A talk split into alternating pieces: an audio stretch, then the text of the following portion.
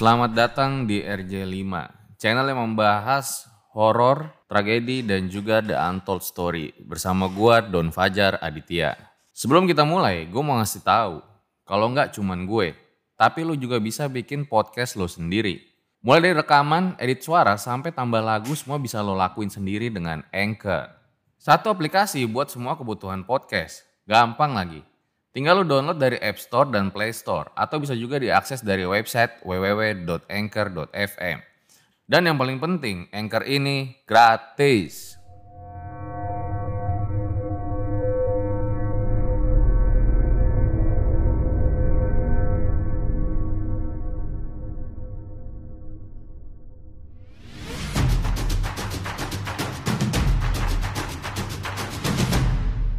Kini Podcast Network.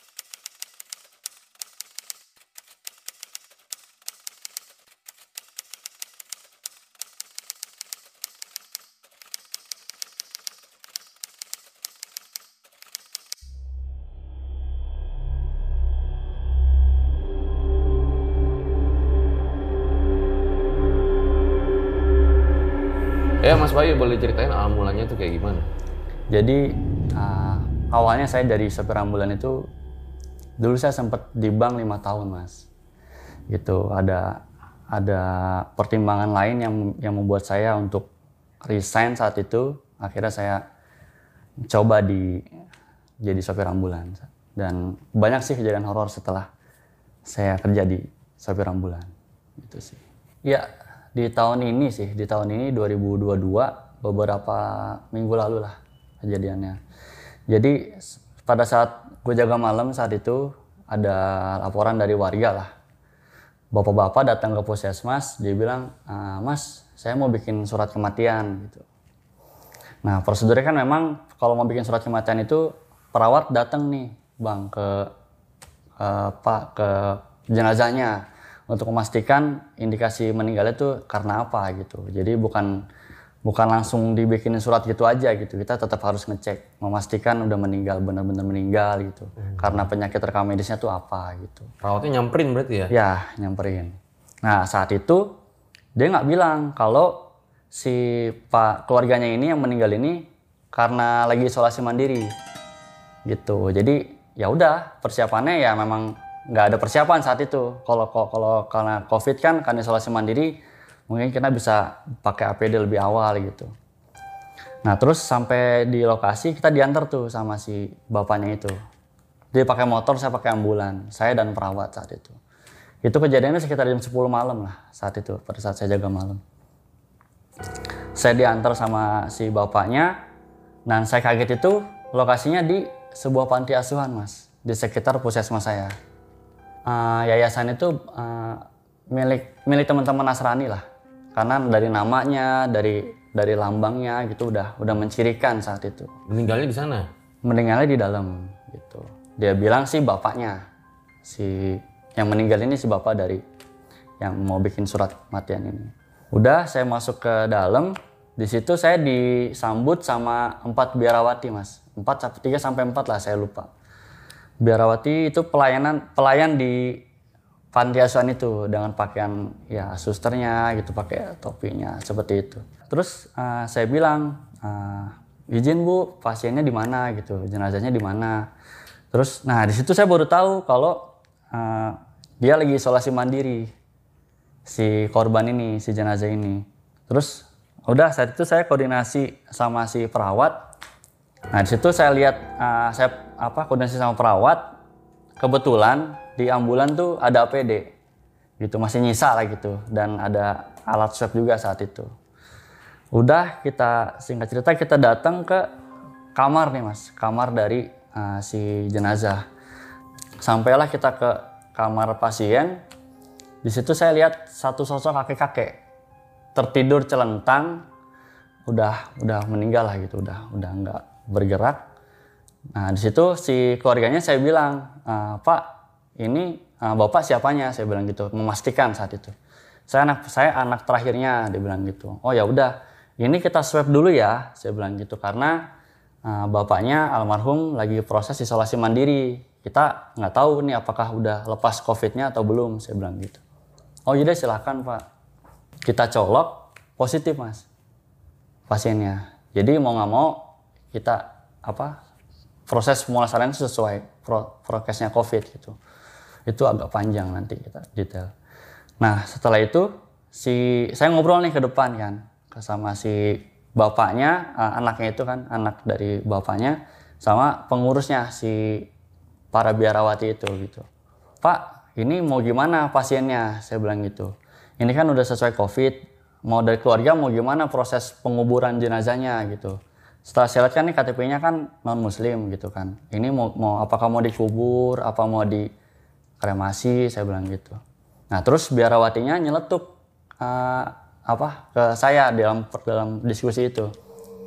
Mohon maaf mohon maaf pak. Ngomong ke uh, ke anaknya. Mohon maaf pak. Almarhum sudah mualaf beberapa bulan lalu. Gitu. Di situ saya uh, kaget gitu uh, sambil apa ya terharu karena seorang biarawati gitu loh bang. Biarawati dengan dengan panti asuhan yang milik yayasan non muslim tapi dengan fairnya dia ngomong uh, almarhum udah mualaf beberapa bulan lalu. Dan dirawat di situ lagi? Dan dirawat di situ dan dia yang rawat saat itu. Terus saya lempar lagi ke anaknya ke bapaknya. Oh ya udah pak.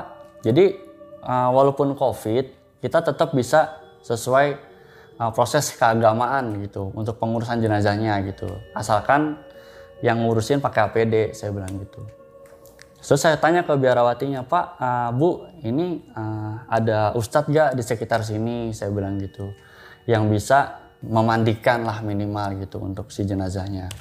Memang boleh ya kalau COVID dimandiin? Gitu? Boleh mas. Jadi sebelum kita bungkus mayatnya sesuai COVID, itu kan masih masih biasa pakai baju biasa gitu, masih belum belum dia papain itu bisa aja. Tapi mandiin pakai APD. Pakai APD gitu. Terus si biarawatinya bilang, Nah, untuk di sini lingkungan sini apalagi di kondisi malam seperti ini agak susah pak katanya gitu karena uh, lingkungan sini kebanyakan non muslim gitu terus ya udah si anaknya bilang uh, saya ngikut bapak aja ngomong ke saya saya juga nggak tahu dia dia juga kan non muslim kan si anaknya. Di situ oh ya udah saya izin ya pak. Sesuai sesuai uh, Islam saya bilang gitu. Di situ si anaknya koordinasi nggak tahu telepon siapa saat itu ya. Telepon mungkin keluarganya apa gimana gitu. Dia sibuk sendiri lah koordinasi nah di situ saya ngurusin jenazahnya gitu. Saya bilang ke perawat ah, bang ini kita mandiin uh, mandiinnya cukup wuduin aja ya saya bilang gitu. Karena jujur dengan keterbatasan pengetahuan apa Islam saya ya kayaknya di diwuduin cukup saya bilang. Karena apalagi kondisinya lagi seperti ini lagi covid seperti ini saya bilang gitu. Terus juga ada kayak ikro-ikro mungkin si almarhum udah sempat mulai belajar pengenalan huruf-huruf Arab apa gimana. Terus kayak ada apa namanya buku-buku panduan sholat kayak gitu-gitu. Jadi saya tambah yakin situ bang. Kalau memang si uh, jenazahnya ini memang udah mualaf gitu apalagi Mas si Bayu nemuin itu ya di sana? Ya di kayak meja-mejanya gitu lah. Terus ya udah saya dengan alat seadanya saya bilang uh, Bu saya boleh minta anduk kecil ya untuk sekedar memandikan saya lap-lap gitu lah. Itu saya wuduin bang. Saya wuduin saya kukunya saya hmm. Bersihin itu kan kalau mandi jenazah kan. Terus pokoknya semua lakukan tubuhnya saya pakai APD ya? Pakai PD tapi, tapi saya dikasih lap gitu sama kayak ember kecil gitulah untuk kayak sekedar wudhuin gitu. Tapi walau alam saya dengan keterbatasan keterbatasan saat itu ya itu yang bisa saya lakukan gitu. Proses itu berjalan terus di situ saya masuklah ke proses pemulasaran jenazahnya. Di situ cukup panjang sih mas dan agak repot gitu karena nah, dengan baju yang masih terpakai, kita plester dulu nih dari bawah kaki sampai kepala. Plester bening, setelah itu kita masukin ke kantong jenazah. Untuk dimasukin kantong jenazah, kita sletingin, itu kita lem mas, sletingnya. Jadi prosesnya tuh panjang banget. Setelah itu kita masukin ke peti jenazah. Di situ datanglah kakak yang paling tuanya. Ibu-ibu lah udah lumayan berumur. Datang-datang ngomel-ngomel ke biarawatinya. Gitu. Kok bisa? Jadi yang saya tangkap tuh kan saya masih di dalam kamar mas ya. Jadi kayak dia nggak terima kalau si orang tuanya ini udah mualaf. Gitu udah. Dia nggak tahu berarti. dia nggak tahu. Karena setelah saya cari tahu itu 8 tahun orang tuanya dititipkan di panti asuhan di situ debat lah si biarawatinya. Terus saya ke depan bu ini uh, uh, jenazah bapak udah sesuai covid saya bilang gitu udah udah saya tangani sesuai covid saya nggak bilang kalau saya udah memandikan sesuai Tapi di kain kafanin juga. nggak Oh, enggak. Enggak, enggak ada. Saat itu kan emang emang enggak ada saat itu.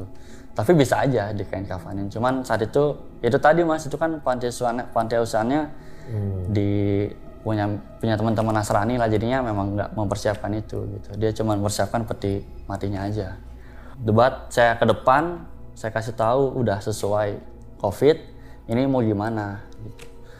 Terus ya udah dikremasi aja. Di situ saya langsung kena mas maksudnya hati saya tuh jadi kayak almarhum tuh udah muslim kok masih harus diperlakukan seperti ini gitu harus dikremasi yang yang sebenarnya tuh haknya dari almarhum loh untuk dikubur sesuai syariatnya agama yang dia anut sekarang gitu muslim gitu.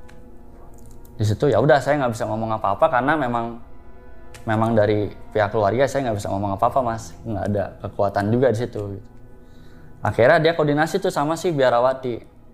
Eh, di mana? Di sini tempat kremasi. Rumah duka di mana? Tempat kremasi jadi di situ dia kasih tahu dari beberapa rumah duka ada yang tempatnya tuh lumayan jauh mas dari lokasi gitu dibanding rumah duka yang lainnya. Dia salah satu satu-satunya rumah duka yang bisa nerima kremasi jenazah covid. Udah di situ kita dapat satu rumah duka yang agak jauh terus dia ngasih apa Sherlocknya lah saat itu kan.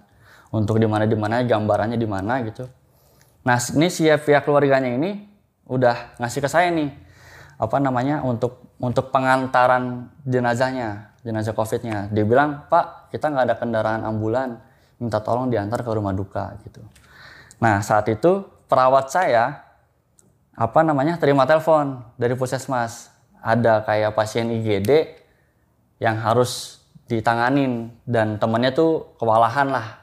Cukup kredit saat itu puskesmas yang berobat gitu. Dia bilang "Ah, ya udah gue balik ya bay katanya gitu. Gue harus ke puskesmas karena ada pasien yang harus gue tanganin. Dia diantar sama anak cowoknya mas. Nah gitu. Nah si ibunya apa namanya uh, persiapan untuk ke rumah duka saat itu. Rumah duka yang dia tunjuk gitu si biarawati sama biarawatinya yang nganter. Nah saya proses loading ke ambulan saat itu. Nah sebelum teman saya pulang itu dibantulah sama si teman saya. Nah ibunya jalan duluan. Si apa namanya si anak yang paling tuanya. Jalan duluan ke sana ke rumah duka. Nah sayanya nyusul di belakang karena saya kan harus loading si apa almarhum gitu. Berarti sendiri doang saat itu. sendiri karena si dia teman sempat sama anak pertama itu sempat bantu untuk loading lah gitu. Nah setelah itu jam berapa? itu sekitar jam setengah dua belasan lah Malam. malam. Karena proses pemulasaran itu cukup lama mas. Cukup panjang. Capek apalagi saya cuma berdua saat itu. Nah saya loading ke ambulan teman saya balik lah diantar sama si anak cowoknya ini gitu. nah si ibunya udah jalan duluan. Di situ saya sambil buka handphone tuh. Buka handphone kayak Google Map gitulah untuk navigasi. Nah di perjalanan nggak tahu kenapa di peti jenazahnya ada kayak gedoran-gedoran dari dalam mas jadi kayak seakan-akan tuh ah, di dalam tuh kayak ada aktivitas lah gitu padahal saat itu apa jalanan tuh cukup rata cukup nggak yang nggak ada kayak polisi tidur guncangan apa gimana? Bunyinya. kayak deg-deg gitu. Nah, gimana sih peti peti mati ditonjok dari dipukul dari dalam gitu kan. Kayak ada hentakan gitulah. Di situ kan saya di posisinya lagi nyetir kan. Terus kayak apa namanya? jalannya itu nggak nggak Rata. rata gitu. Dan di situ saya sempat berhenti di pinggir jalan kan, udah malam juga. di situ kayak nggak saya nggak nyalain lampu sirene sama strobo karena ya udah nggak ada darurat juga dan sepi juga takutnya ganggu orang juga tengah malam istirahat gitu saya berhenti menepi ke jalan di situ saya apa? Ke belakang pintu ke pintu belakang ambulan mas. Ke pintu belakang ambulan saya buka. Sebenarnya kan ambulan tuh ada pintu samping mas. Cuman saya ke belakang itu karena biar ngelihat peti jenazahnya tuh benar-benar full seutuhnya gitu. Kalau dari samping tuh cuman sampingnya doang gitu. Ini ada apa gitu? Apakah ada binatang atau kucing lagi ngikut gitu kan? Apa gimana? Di situ pada saat saya buka pintu belakang saya lihat petinya gitu saya geser-geser nggak maksudnya paten gitu nggak nggak posisinya tuh nggak yang apa misalkan jomplang apa gimana tuh emang benar-benar udah ini udah udah enak lah gitu udah nggak bakal gerak. Nah tiba-tiba setelah saya tutup pintu itu kayak ada siluet di dalam ambulan. Jadi kayak orang sholat mas. Tapi posisinya duduk apa duduk di peti jenazah. Jadi kayak setengah badan pala kayak tangan itu kayak gini dan saya dengar bisikan tuh kayak kayak bisikan azan apa gimana ya? Jadi kayak oh, uh, syahadat oh, asyhadu alla ilaha illallah kayak azan atau gimana ya seperti itulah. Sekilas kayak bisikan seperti itu. Gila merinding gua.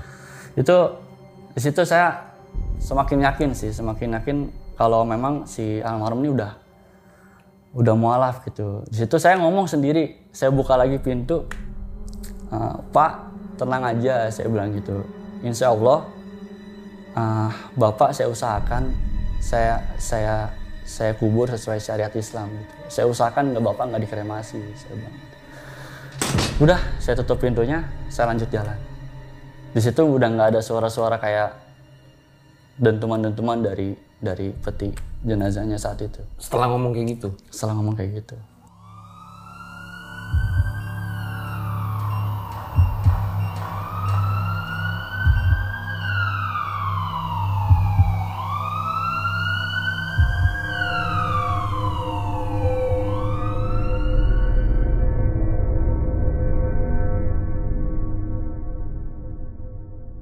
napas dulu dong guys. Sebelum lanjut, kenalan dulu yuk sama all-in-one podcast editing platform. Namanya Anchor.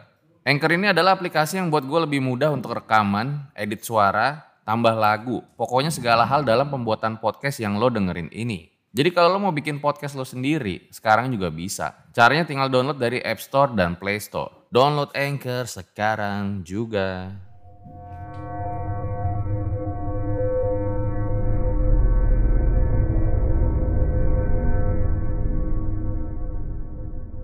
Lanjut jalan sampai ke rumah duka. Saya melihat ibunya tuh udah di depan apa pintu lobinya gitulah gitu. Tapi saya diarahin ke pintu belakang mas sama kayak satpam gitulah. Setelah sampai belakang ada satu pengurus rumah dukanya gitulah pakai APD lengkap gitu cuma sendiri saat itu. Terus udah kita loading jenazahnya ke masuk ke ruang ruang tunggu jenazah saat itu. Belum ke masuk ke ruang kremasi. Ruang tunggu jenazah. Terus sampai di sana saya tanya ke pihak eh, rumah dukanya yang pakai APD kan saat itu. Pak ini kalau saya kremasi sama peti-petinya ini abunya masalah gak saya bilang gitu. Oh nggak bisa mas. Kita harus eh, apa namanya buka semuanya dulu sampai benar-benar badan eh, badan si jenazahnya benar-benar nggak pakai apa-apa. Kalau baju masih bisa inilah angus lah kata dia gitu. Di situ mau nggak mau saya lepas lagi semuanya. Dari proses peti jenazahnya saya plester di situ kan terus kantong jenazahnya gitu. Nah setelah saya buka peti jenazahnya kan tampilannya masih kantong jenazah yang tersleting mas. Saya pastikan lagi nih ke pihak rumah dukanya pak ini kalau kantong jenazah aja gimana? gitu kasihan karena udah udah kita bungkus gini gitu. Sampai harus dibuka lagi kasihan jenazahnya. Nggak bisa pak. Nanti material dari kantong jenazah ini ngeganggu dari abunya. Tadi kayak gitu. Udah mau nggak mau kita buka semuanya. Itu kita kayak saya dikasih cutter gitulah sama si uh, pihak pihak rumah dukanya semuanya dibuka. Sampai bener-bener baju sama uh, celana yang dipakai gitu. Semuanya udah Tapi kan karena kita udah pakai APD jadi kita pede aja mas. Gitu udah udah aman lah gitu. Tapi sorry nih mas, mungkin banyak yang nanya ya. Memang kalau gue juga nggak tahu ya kremasi itu yang sesuai protokol tuh gimana. Emang ini sesuai protokol deh. Nah kebetulan satu-satunya pasien COVID yang pernah saya tanganin itu dan dikremasi cuman ini mas. Sebelumnya kan saya paling kuburnya kerorotan gitu. Maksudnya ya, di, dikubur ya walaupun dia non muslim gitu teman-teman Nasrani semua sama. Jadi baru sekali juga. Baru kali ini dan memang permintaan keluarga juga gitu. Jadi saya emang nggak bisa ngomong apa-apa juga saat itu. Gitu. Udah kita kondisi maya, eh, jenazahnya sudah ah, pakai baju gitu kan.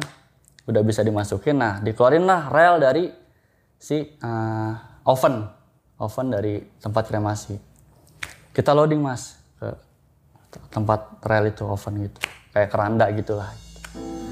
Pada saat masukin ke oven, si apa si pihak tem, si pihak si rumah dukanya nutup pintu si ovennya. Itu pintunya tuh karena saya dulu pernah kerja di bank lima tahun masih itu kan saya tahu pintu berangkas seperti apa ya. Itu tebel banget dan bukan besi, batu. Itu jadi benar-benar berat ditutupnya. Nah pada saat ditutup itu mental sendirinya keluar mas, kebuka. Jadi tutupnya itu saya lihat banget tuh susah payah sih.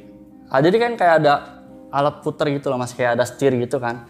Diputer ke kiri, didorong, dikunci gitu kan. Cuman pada saat dia mau ngunci, dek langsung kayak kebuka lagi dengan kenceng banget. Dan itu kaget sih si apa si karyawan. Petugasnya? Iya petugas. Di situ saya ya Allah kenapa gitu? Maksudnya apalagi nih? Apa sih jenazahnya mau apa lagi? Karena ya saya udah nggak bisa apa-apa mas. Maksudnya apa mau minta dikubur apa gimana gitu. Nah terus si ah, pihak si ininya si masnya ini nanya mas ini ani si pasiennya kenapa? Dia bilang gitu. Kan kok aneh kata dia gitu. Di situ saya cerita mas ah, ini pasiennya mualaf dan tapi ah, si pihak keluarganya nggak terima kalau uh, proses penguburannya itu sesuai Islam. Dia nggak terima dia maunya dikremasi. Nah terus nah saya nanya nih ke si masnya mas bisa bantu sholatin nggak? Saya bilang gitu. Mungkin si jenazahnya ini pengen disolatin saya bilang gitu. Apa? Karena kema- uh, pada saat saya di panti asuhan itu saya udah sempat wuduin saya bilang gitu dan saat itu saya mau sholatin si masnya ini non muslim juga. Dan saya salutnya itu dia ngomong, ya udah mas, masnya aja yang sholatin. Saya nggak bisa sholatin, saya non muslim. Maksudnya petugasnya aja tuh sampai sebegitunya mas, maksudnya menerima gitu. Walaupun dia uh, apa namanya non muslim gitu. Karena saya pun wajar lah dari dari saya nih misalkan saya orang orang muslim gitu. Ada teman-teman yang yang berpindah ke non muslim pasti ada rasa ada rasa inilah rasa menyayangkan rasa rasa marah juga mungkin rasa cemburu juga mungkin. Tapi dari dua orang ini biarawati sama masnya ini dengan dengan legowonya gitu dengan dengan berbesar hati dia ya udah gitu sesuai Islam gitu. Maksudnya silahkan gitu. Udah saya sholat pada umumnya lah sholat jenazah saat itu. Apa? Setelah selesai sholat udah saya masukin lagi nih sama si masnya. Masukin lagi sama masnya di situ saya pastikan lagi nih ke keluarganya. Bentar mas tak dulu. Saya mau tanya dulu pihak keluarganya biar menyaksikan juga karena udah steril nih bang. Maksudnya pasiennya kan udah di dalam oven kan dan peti-petinya juga udah di depan itu kan depan ruang oven itu. Nanti kita saya pinggirin dulu mas sama of apa peti jenazahnya sama embel-embelnya biar keluarganya harus menyaksikan saya bilang gitu. Saya ke depan lagi tuh uh, sama si masnya gitu. Datanglah si ibunya tetap bekeh mau di kremasi. Gimana bilangnya? Terus ah, itu. sa- saya bilang di situ saya jujur, saya jujur bu maaf tadi ada kendala seperti ini apa ah, kayak ada penolakan dari almarhum saya bilang gitu. Tanya masnya nih saya bilang gitu. Pada saat kita mau masukin ke oven ada ada gangguan kecil lah gitu. Terpaksa saya harus sholatin saya bilang gitu. Nggak bisa. Pokoknya saya tetap mau dikremasi jangan coba-coba intervensi saya. Ini ayah saya. Gitu. Nah saya nggak bisa ngapa-ngapain mas saat itu. Udah udah udah pasrah aja lah. Emang udah jalannya mungkin. Tapi saya yakin uh, setelah saya mandikan saya sholatin maksudnya saya udah mengasih yang terbaik lah untuk untuk si jenazah gini untuk sesuai syariat Islam gitu. Sudah ya udah. Kremasi nggak ada gangguan apa apa setelah itu. Nah, lancar lah saat itu. Udah singkat cerita saya balik ke puskesmas. Saya balik ke puskesmas itu jam berapa? itu udah sekitar jam 2an mas. Jam 2an lah. Terus saya sampai puskesmas saya bersih bersih apa infeksius covid gitu kan. APD saya lepas semua ganti baju sempat kayak ngelap ngelap gitulah. Saya mau mandi udah tengah malam gitu ngeri gitu. Sambil nunggu subuh udah saya biasalah main handphone gitu. Muncullah waktu subuh nih saya sholat. Saya sholat ambil wudhu biasa. Nah saya sholat kan di lantai 4 mas di aula tempat saya biasa tidur. Allah pada saat saya sholat saya rokat pertama biasa saya sholat itu kan gelap ya masih subuh. Ruangannya juga saya matiin lampunya semua biar nggak inilah biar enak aja gitu suasananya. Pas saya sholat pada saat saya ruku itu makmumnya persis sosok kayak Allah kakek yang saya tolong. Akbar.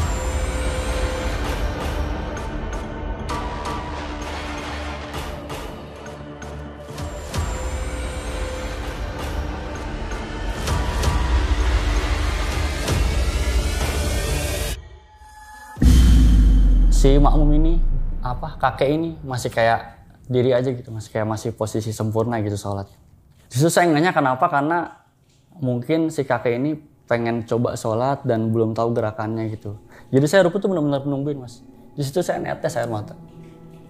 Karena saya ngerasa ya itu tadi maksudnya sampai sebegininya kuasa Allah gitu. Artinya orang yang yang saya tolong gitu apa gimana feedback itu sampai seperti ini gitu. Sampai sampai dia ngikut sholat gitu. Mungkin emang udah umurnya juga dia terbatas juga untuk belajar agama saat itu di panti asuhan. Kan memang memang basicnya teman-temannya kan udah umat Nasrani saat itu yang ngurus kan gitu. Jadi dia kayak nggak ada sosok untuk belajar. Yang dilihat sosoknya kayak gimana mas? sama persis mas. Kayak pada saat saya nolong apa swab pertama kali di kamar itu kayak dia karena gelap ya jadi cuman siluet gitu. Tapi saya berasa ada sosok itu di belakang jadi makmum saya. Itu sampai saya salam masih ada. Itu saya nangis jadi jadinya saat itu. Karena ya itu tadi maksudnya sampai sebegininya kuasa Allah sampai ya itulah kebaikan yang kita kita lakukan bisa menembus ruang dimensi sampai sebagainya Setelahnya? Setelahnya udah sih. Nggak ada gangguan apa setelah itu. Hanya pada saat itu ya. ya pada saat saya sholat sosok itu ngikut jadi makmum saya. Oke, bakal banyak pertanyaan di closing.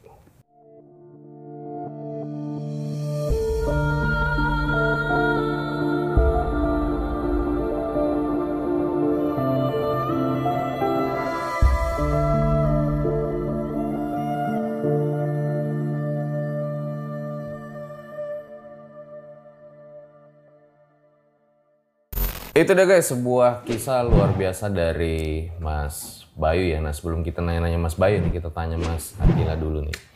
Mas Atila, ini kenapa sih pada akhirnya bikin konten horor gitu? Jadi kalau boleh cerita sedikit, eh, dulu waktu kecil gue dan adik gue dikasih kesempatan lah sama yang di atas untuk mempunyai kemampuan untuk melihat makhluk-makhluk yang tidak kasat mata seperti itu.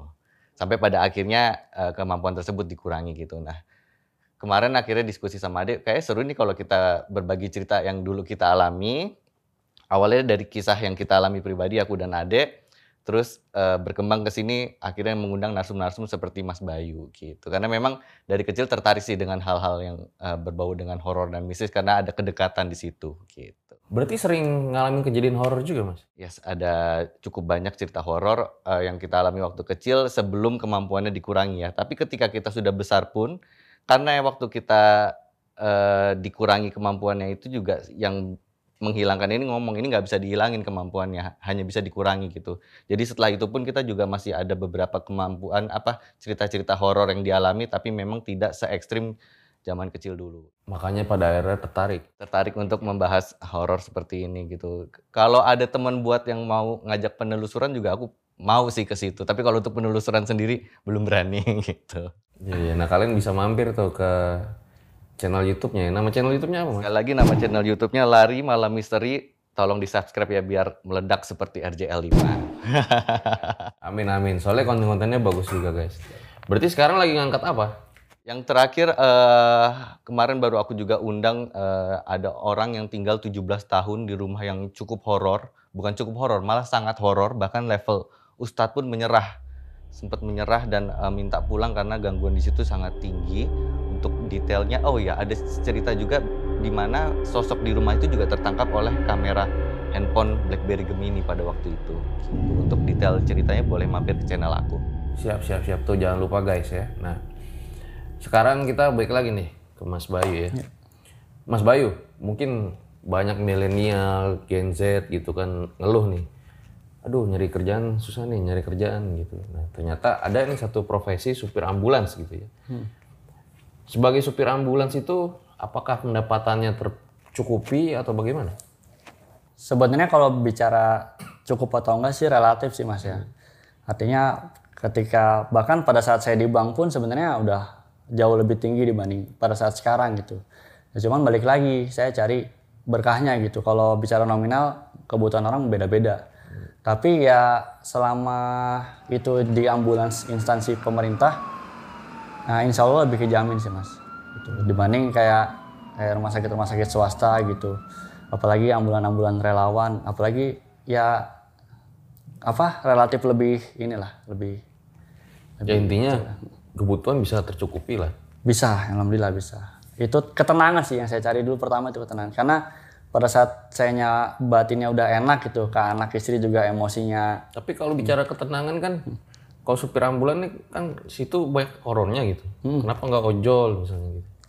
kalau horornya gini mas kalau kalau saya di ambulan itu kan ibaratnya saya kerja tuh nolong orang ya Oke, kemanusiaannya itu. ah, ya. kemanusiaan walaupun saya, saya yakin kalaupun ada yang ganggu ya saya nggak pernah maksudnya nggak pernah iseng nggak pernah ada buat salah ke, ke kamu gitu jadinya ya biasa sih kayak gitu-gitu jadi anggap ini aja lewat aja gitu nggak nggak terlalu di gimana gimanain lah Makasih ya Mas Atila, Mas Terima kasih banyak Bang Fajar. datang buat bercerita di RJ5 ya. Jangan kapok-kapok nih kita Dengan senang hati kapan pun di call kita hadir. collab-collab lagi ya. Siap.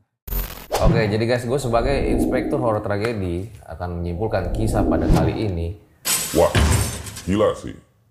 Ambil baiknya, buang buruknya. Dengan adanya kisah-kisah seperti ini, jangan malah menjadikan kalian takut. Akan tapi kalian harus semakin yakin dan percaya dengan kebesarannya. Gue Fajar Ditya, RJ5 undur diri. Ciao.